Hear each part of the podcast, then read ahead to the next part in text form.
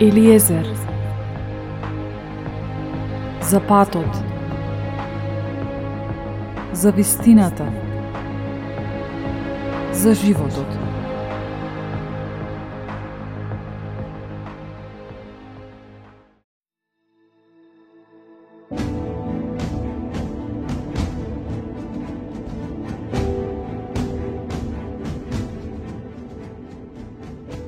Не карај се со силен човек за да не паднеш некогаш во неговите раце. Не суди се со богат човек за да не го загубиш своето право. Златото погубило многу мина. тој измамило и срца на цареви. Не карај се со дрзок човек, не ставај дрва на неговиот оган. Не шикувај се со невоспитан човек, за да не бидат изложени твоите прадедовци на осрамотување.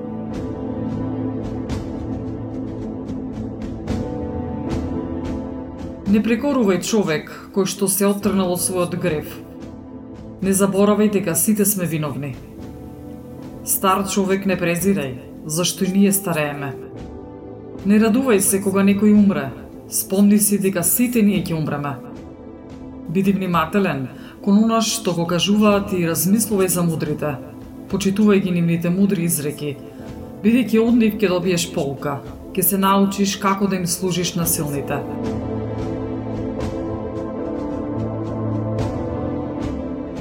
Не подценувај го кажувањето на старците, зашто и тие се учеле од своите татковци. Од нив ќе се научиш на разумност, ќе научиш кога и каков одговор да даваш. Не разгорувај ги гламите на грешникот, за да не изгориш во пламенот на неговиот оган. Не дозволувај подбивачот да се разгневи, за да не ти постави стапица на устата твоја. Не давај заем на човек посилен од тебе, Ако пак му дадеш, сметај го даденото за загубено. Не застапувај се за друг надвор од своите можности. Ако го сториш тоа, сметај дека си задолжен да платиш. Не суди се со судија, зашто ќе му пресудат според неговата чест.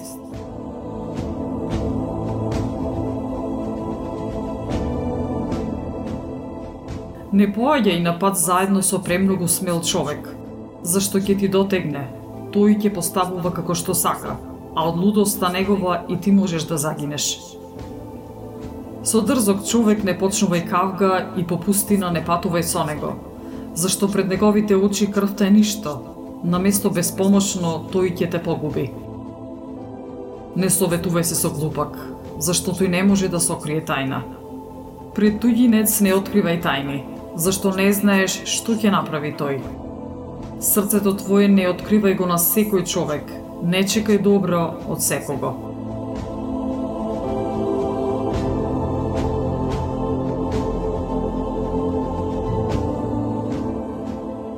Прва збирка од полки, девета глава.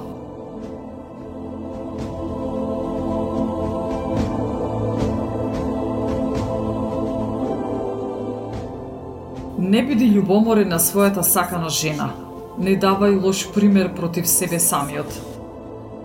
На твојата жена не предавај ја твојата душа, за да не завладее сосема со тебе. До блудница не приближувај се, за да не поднеш во незините примки. Со пејачка не дружи се, со уметноста своја може да те плени. Не загледувај се во девица, за да не бидеш соблазнет од незината убавина. На блудница Не давај ја својата душа за да не го загубиш твојот имот. Не обзрнувај се по улиците на градот и не талкај по неговите пусти делови. Убава жена, не гледај. Не загледувај се во туѓа убавина. Женската да убавина многумина заведува, од неа како од оган се распалуваат страстите. Со жена омажена, никогаш не седи, вино не пи заедно со неа. Душата твоја да не се приврзе за неа, обземен од страсти, в бездна да не пропаднеш.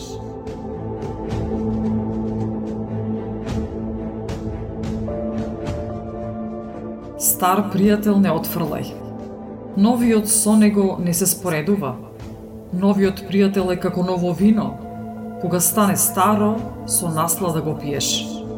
На славата на грешникот не завидувај, зашто не знаеш каков ќе му биде крајот Не одобрувај го она што го прават безбожниците. Помни дека нема да им трае среќата до пеколот. Далеку биди од човек што има власт да убива, па страв смртен нема да те прогонува.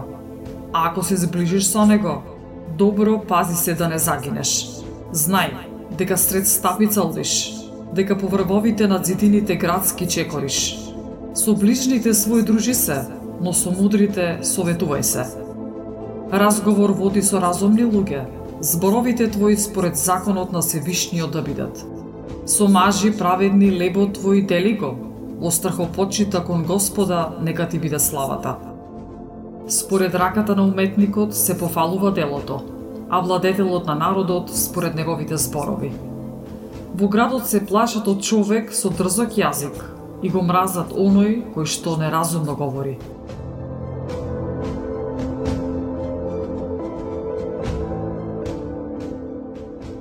Прва збирка од полки, 10 глава.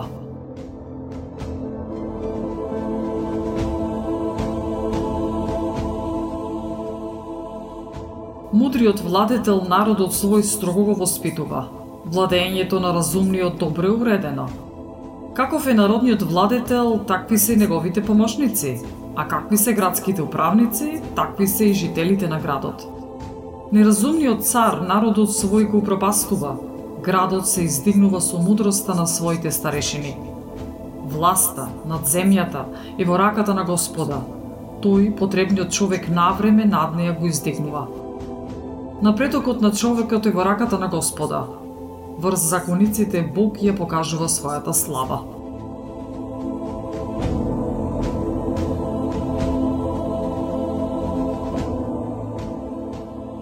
За секаква навреда, не гневи се на ближниот свој и не прави никакви неправди. Горделивоста е одвратна и за Бога и за луѓето. Неправдата е омразна и за него и за нив. Власта преминува од еден народ на друг поради неправди, навреди и користољубивост. Зошто се гордеат правот и пепелта, кога уште додека се живи утробата им е нечиста? Долгата болест го вознемирува лекарот. Оној што денес е цар, утре ќе умре. Човекот кога умира станува плен на влекачите, цверовите и црвите.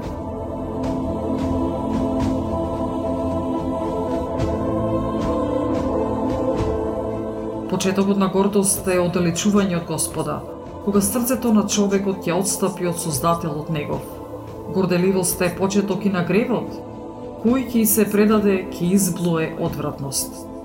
Затоа Господ го казнува со страшни казни и наполно го уништува. Господ урива престоли на силни, на нивното место кротки издигнува. Ги откорнал Господ горделивите, на нивно место ги насадил понизните.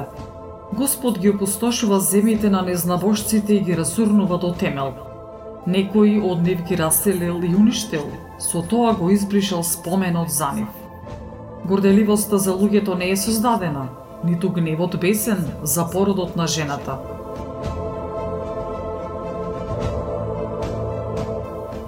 Кој род е достоен за чест? Човечкиот. Кој род е достоен за чест? Оној што страхопочит кон Господа има. Кој род презир заслужува? Човечкиот. Кој род презир заслужува? Оној што законот го погазува. Чест има најстариот меѓу браќата, така и оној што има страхопочит кон Господа. Пред Божите очи чест има. На богатиот, благородниот и сиромавиот, пофалба нека име страхопочита кон Господа. Разумен сиромав не треба да се презира, а грешник не треба да се прославува. Властелинот, судијат и владетелот достојни се за чест, но поголем нема од оној што има страф од Господа. На мудриот роб слободни ќе му служат, разумниот, поучуван од него, нема да не годува.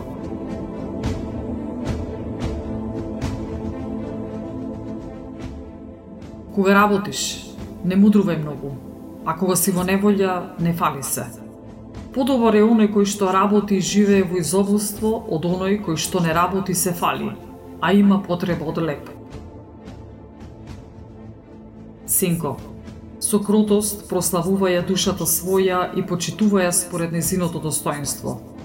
Кој ќе го оправда оној што греши против својата душа? Кој ќе го пофали оној што самиот се осрамотува? Сиромавиот го почитуваат поради неговата разумност, а богатиот поради богатството негово. А почитуваниот во сиромаштија, колку ли повеќе ќе биде почитуван кога ќе биде богат? А неславниот во богатство, колку ли понеславен ќе биде во сиромаштијата?